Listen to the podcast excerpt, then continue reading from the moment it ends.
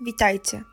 Zapraszam Was do wysłuchania czwartego odcinka na podcaście Prawo Zbrodni. Przygotowanie każdej sprawy budzi we mnie wiele emocji.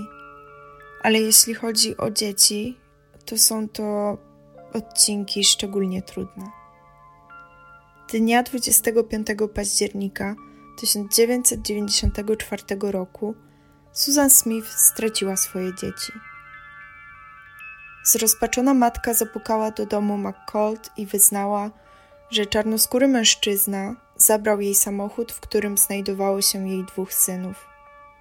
Opowiadała, że zatrzymała się na czerwonym świetle i wtedy mężczyzna z pistoletem wskoczył do niej do samochodu i kazał jej prowadzić. Kiedy przejechała kawałek drogi, kazał jej się zatrzymać i wysiąść. Miał też powiedzieć, że nie skrzywdzi jej dzieci. Następnie odjechał. Przez dziewięć dni prowadzono poszukiwania chłopców na szeroką skalę. Susan opowiadała w mediach o porwaniu. Cała rodzina otoczyła ją wsparciem. Mąż David, z którym się wcześniej rozstała, podczas poszukiwań wrócił do swojej żony. Susan przed kamerami zalewała się łzami. David również wyglądał na zrozpaczonego. Oboje publicznie apelowali o bezpieczny powrót ich synów. Susan Smith urodziła się 26 września 1971 roku. Była córką Lindy i Harego, najmłodszym z trojga dzieci i jedyną córką pary.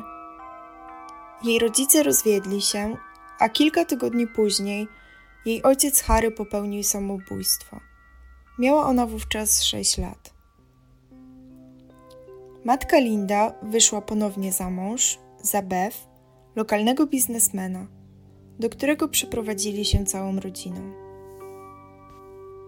Susan jako nastolatka była bardzo dobrą uczennicą. Wśród znajomych była lubiana i towarzyska. W młodości była nawet przewodniczącą klubu, który koncentrował się na wolontariacie w społeczności. W ostatnim roku liceum otrzymała nawet nagrodę najbardziej przyjaznej kobiety. Była znana jako ta wesoła i pogodna. W wieku 16 lat jej ojczym zaczął ją molestować. Powiedziała o tym swojej matce i odpowiednim służbom. Wtedy na jakiś czas Bev wyprowadził się z domu. Ale niestety po kilku sesjach w poradnictwie rodzinnym wrócił ponownie. Susan została ukarana przez rodzinę za uczynienie z wykorzystywania seksualnego publicznego romansu, a jej matka bardziej obawiała się tego, że rodzina zostanie narażona na publiczny lincz. W ogóle nie miała na względzie ochrony swojej córki. Gdy Bev wrócił do domu, jej molestowanie trwało nadal. W ostatnim roku liceum zwróciła się o pomoc do szkolnego psychologa. Ponownie skontaktowano się z właściwymi organami, ale wtedy Susan już odmówiła wniesienia oskarżenia. Sprawa została zamieciona pod dywan. Beth miał bardzo dobrych prawników, którzy chronili go przed publicznym upokorzeniem. Latem w roku 1988 Susan dostała swoją pierwszą pracę w lokalnym sklepie spożywczym Szybko awansowała z kasjerki na księgową. W liceum była aktywnie seksualna z trzema mężczyznami. Z żonatym starszym mężczyzną, który pracował w sklepie, oraz z młodszym współpracownikiem i jej ojczymem. W tamtym okresie Susan zaszła w ciążę i dokonała aborcji. Żonaty mężczyzna zakończył ich związek, a ona wówczas postanowiła popełnić samobójstwo. Przyznała się wtedy, że to nie była jej pierwsza próba, gdyż próbowała się zabić już w wieku 13 lat. Następnie Susan poznała Davida. Był to jej współpracownik i również przyjaciel z liceum. Chłopak ten właśnie zerwał zaręczyny z inną kobietą i zaczął tworzyć związek z Susan. Para zdecydowała się na małżeństwo, gdy Susan dowiedziała się, że jest w ciąży. Pobrali się oni 15 marca 1991 roku. i przeprowadzili się do domu prababci Davida. Rodzice Davida ponieśli stratę innego syna, który zmarł w tamtym okresie na chorobę Crowna, zaledwie 11 dni przed ich ślubem. W maju 1991 roku stres okazał się dla jego rodziców zbyt duży. Ojciec Davida próbował popełnić samobójstwo. Matka wyjechała i przeniosła się do innego miasta. Susan była już przyzwyczajona do takich rodzinnych dramatów i młoda para zamiast świętować swoje pierwsze chwile razem, to musieli się nawzajem pocieszać. W październiku 1991 roku urodził się pierwszy syn. Kochali oni swoje dziecko i okazywali mu miłość, ale jednak różnice w ich pochodzeniu sprawiły, że para zaczęła mieć coraz więcej konfliktów. Susan była raczej materialistką. Często prosiła swoją mamę o pomoc finansową. David twierdził natomiast, że jej matka jest natrętna i kontrolująca. Żałował, że jego żona zawsze jest pod dyktando Lindy, że zawsze robi to, czego chce jej matka, a w szczególności jeśli chodziło o wychowanie ich dziecka. Pierwsza separacja pomiędzy małżonkami nastąpiła już w marcu 1992 roku. Rozstali się wówczas na 7 miesięcy. Przez ten czas Susan umawiała się z kolegą z pracy. To jednak nie pomogło jej rozwiązać swoich problemów miłosnych. W listopadzie tego samego roku Susan ogłosiła, że znów jest w ciąży, a to spowodowało, że para znów stała się bardziej skupiona na sobie i połączyli się ponownie. David i Susan pożyczyli od matki Susan pieniądze na zaliczkę na dom. Twierdzili oni, że jak będą mieć swój własny kąt, to wszystkie inne problemy same się rozwiążą. Susan jednak oddalała się cały czas od męża, narzekała na problemy związane z ciążą. W tamtym czasie David związał się z kimś innym, zaczął się spotykać z kobietą z pracy, co później tłumaczył tym, że czuł się samotny i odizolowany w małżeństwie. Po urodzeniu 5 sierpnia 1993 roku Aleksandra, Aleksandra Taylora para znów na chwilę się złączyła w jedną kochającą rodzinę. Niestety już po trzech tygodniach David znów się wyprowadził i oboje zadecydowali o zakończeniu ich związku. Mimo tego, że się rozstali, to dla swoich dzieci byli nadal bardzo dobrymi rodzicami. Susan nie chciała pracować w tym samym miejscu co David, dlatego też podjęła się nowej pracy jako księgowa u największego biznesmena w okolicy. Po jakimś czasie awansowała na wyższe stanowisko i została dyrektorem generalnym. Dzięki poprawieniu swojej pozycji zaczęła poznawać zamożnych ludzi, którzy prowadzili bardzo ekstrawagancki styl życia. I to spowodowało, że zbliżyła się do syna swojego szefa, Toma Fandleya. Był to jeden z najbardziej pożądanych kawalerów w ich środowisku. W styczniu 1994 roku Susan i Tom zaczęli już oficjalnie się spotykać, ale to potrwało tylko kilka miesięcy. Już na wiosnę Susan wróciła ponownie do Davida. I tutaj, jak widać, ich związek był bardzo burzliwy, gdyż po kilku miesiącach znów się rozstali. Wtedy Susan zażądała rozwodu. We wrześniu tego samego roku zaczęła nadal spotykać się z Tomem. Planowała z nim nawet już przyszłość. Tom jednak e, całkiem inaczej e, sobie wyobrażał dalszy etap ich relacji gdyż chciał całkowicie zakończyć związek z Susan. 17 października, kilka dni przed złożeniem przez Susan dokumentów rozwodowych, Tom wysłał jej list. Wskazywał w nim, że nie mogą być razem ze względu na różnice w pochodzeniu. Stanowczo też stwierdził, że on sam nie chce mieć dzieci i nie zamierza też wychowywać dzieci jej i Davida. Wspomniał również, że Susan powinna się bardziej szanować, wypomniał jej sytuację, podczas której Susan i mąż jej przyjaciółki całowali się w wannie podczas imprezy u ojca Toma. Napisał jej wprost: Jeśli pewnego dnia chcesz złapać takiego miłego faceta jak ja, to musisz zachowywać się jak miła dziewczyna. Wiesz, ładne dziewczyny nie śpią z żonatymi mężczyznami.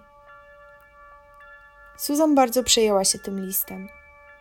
Nie chciała pogodzić się z tym, że Tom zakończył ich związek. Ale co ciekawe, Tom nie wiedział, że podczas ich związku Susan była nadal związana seksualnie z Davidem i jej ojczymem Beth. Podobno miała także romans z jego ojcem. Susan chciała zrobić wszystko, żeby Tom dał jej szansę. Wyznała mu wówczas o jej stałym związku seksualnym z ojczymem. To jednak na niego nie zadziałało. Wtedy opowiedziała mu o rzekomym romansie z szefem. Ostrzegała go, że szczegóły tej relacji mogą zostać ujawnione. Tom jednak definitywnie oświadczył, że jest to koniec ich jakiejkolwiek relacji i żeby nie miała żadnych nadziei na powrót. 25 października Susan pogrążyła się w rozpaczy. Z dnia na dzień była coraz bardziej nerwowa. Poprosiła nawet pracodawcę o pozwolenie na wcześniejsze opuszczenie pracy. Po odebraniu dzieci z przedszkola rozmawiała z przyjacielem na parkingu. Opowiadała mu, że obawia się reakcji Toma na to, że spała z jego ojcem. Następnie postanowiła podjąć ostatnią próbę odzyskania swojego kochanka. Poprosiła wówczas przyjaciółkę, żeby zajęła się dziećmi i sama poszła do biura Toma.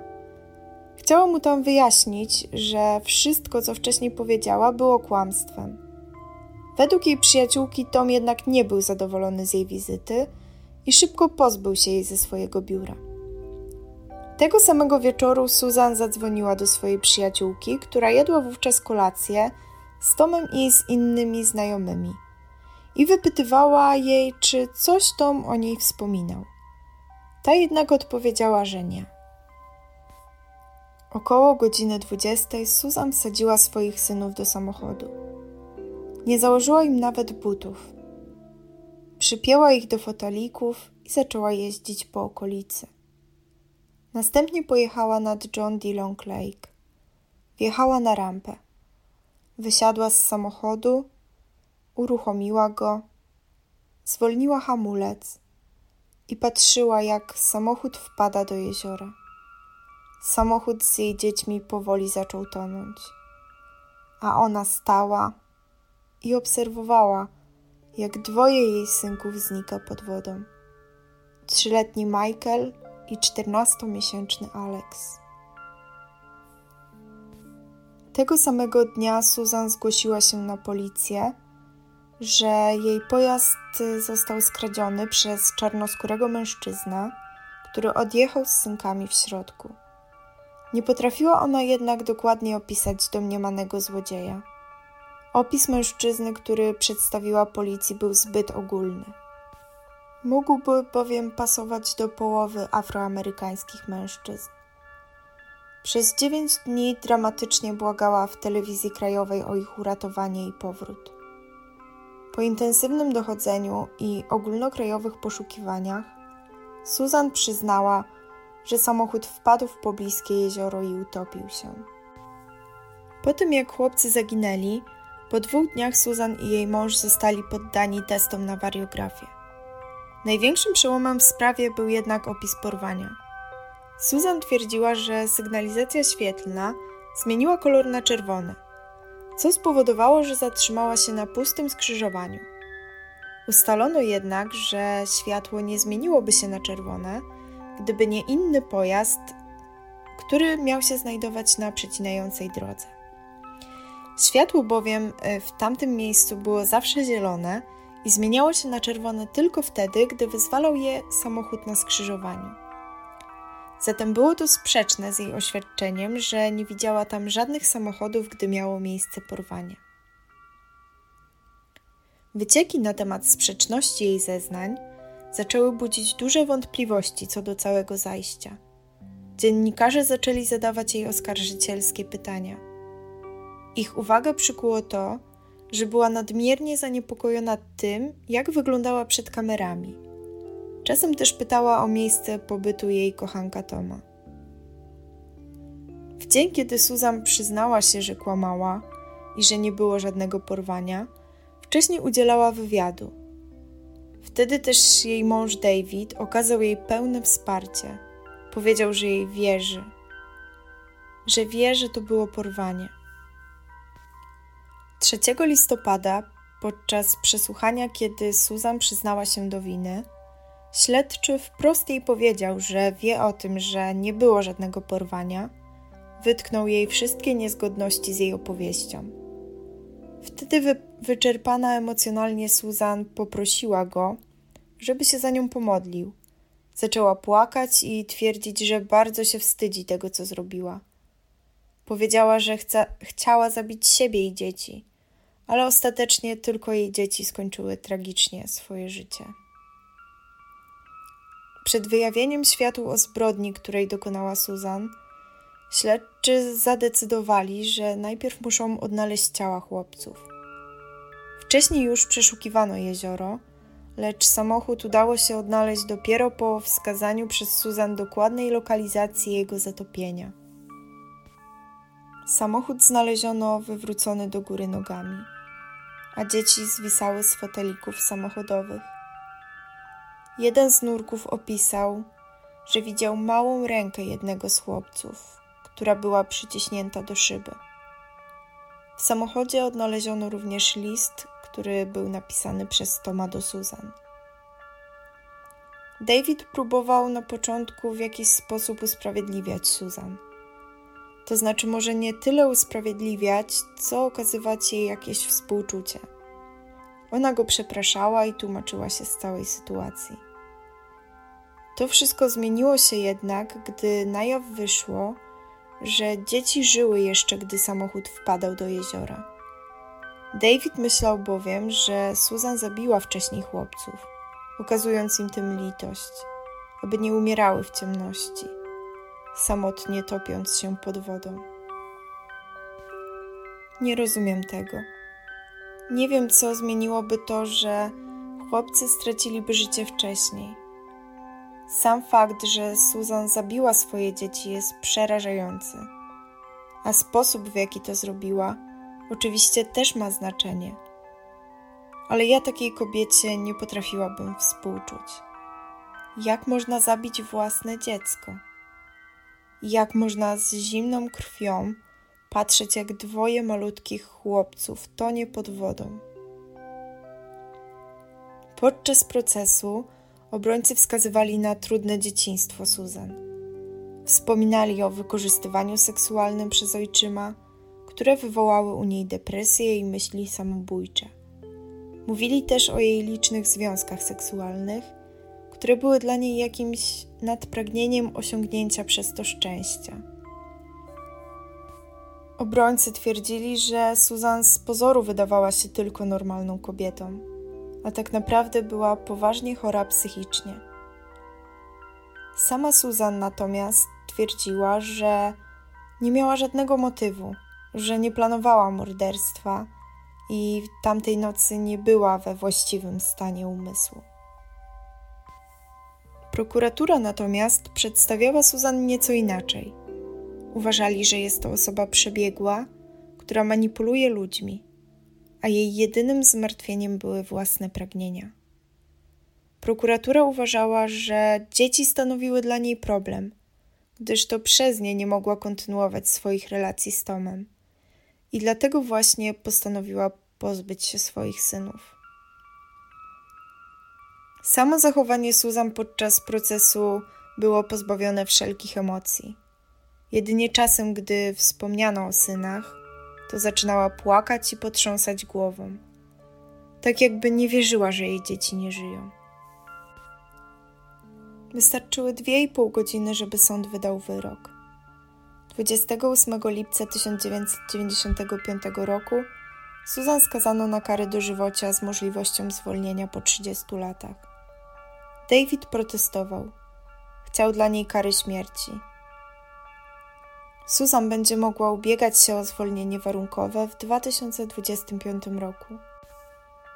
Michael i Alex zostali pochowani razem, w tej samej trumnie, obok grobu brata Davida i wuja dzieci. Pogrzeb odbył się 6 listopada 1994 roku. Nad jeziorem, gdzie doszło do zabójstwa chłopców, znajduje się ich zdjęcie, a ludzie do dziś przynoszą znicze i kwiaty. Teraz opowiem Wam trochę o tym, jak wyglądało życie, w sumie jak wygląda życie Susan w więzieniu. Z początku pełniła ona funkcję asystenta stróża. Odpowiadała za codzienne funkcjonowanie celi, ale w roku 2017 pracowała już jako robotnik krajobrazowy. O krok wyżej od pozycji, którą wcześniej zajmowała. Co najmniej sześć razy miała bardzo poważne problemy medyczne i została przeniesiona do innej placówki w celu leczenia ambulatoryjnego. Charakter jednak jej dolegliwości nie został podany do wiadomości publicznej. Ponadto Susan była karana za wykroczenia, w tym samookaleczanie, używanie i posiadanie narkotyków, m.in. marihuany. Każde jej wykroczenie powodowało utratę przywilejów, w tym uprawnień do odwiedzin, do stołówki i do telefonu. W roku 2010 dwa razy i raz w roku 2015 była dyscyplinowana pod zarzutem posiadania narkotyków i utraciła przywileje na rok. W 2000 roku wówczas 28-letnia Susan została ukarana za czterokrotny seks z 50-letnim strażnikiem, który przyznał się do winy i spędził trzy miesiące w więzieniu. W roku 2001 kapitan więzienia również przyznał się do seksu z nią i został skazany. Susan twierdzi, że została źle zrozumiana. W gazecie twierdziła, że nie jest potworem, za którego uważa ją społeczeństwo. Mówiła, że tej nocy nie była sobą Napisała, że była dobrą matką, że kochała swoich chłopców. Twierdziła, że nie było żadnego motywu, bo nie planowała zabójstwa i nie była wtedy o zdrowych zmysłach. Podobno Susan w więzieniu trzyma Biblię wraz ze zdjęciami chłopców. Podobno płacze ze swoimi dziećmi i zdaje sobie z tego sprawę, że zrobiła najbardziej okropną rzecz, jaką można sobie wyobrazić. W tej sprawie nie ma żadnych wątpliwości co do winy Susan. Pytanie Was, co uważacie w tej sprawie, chyba jest zbędne. Myślę, że każdy z Was ma takie same odczucia jak ja. Nie da się wytłumaczyć zabójstwa własnych dzieci. Może i miała ciężkie dzieciństwo może i była w depresji, ale dlaczego ostatecznie sama nie popełniła samobójstwa, tylko skazała na śmierć niewinnych, bezbronnych chłopców, którzy kochali ją i ufali jej bezgranicznie? A może ktoś z Was uważa, że Susan była dobrą matką i w tamtej chwili rzeczywiście nie zdawała sobie sprawy z tego, co robi? Nie bez powodu wybrałam tę sprawę. Zastanawiałam się nad odcinkiem o Katarzynie Waśniewskiej, która w podobny sposób próbowała zatuszować zabójstwo dziecka i upozorowała porwanie. Ale sprawę małej Madzi z Sosnowca każdy z Was zna. Dlatego przedstawiłam Wam jej poprzedniczkę, jej zagraniczną wersję. Dziękuję za uwagę i do usłyszenia.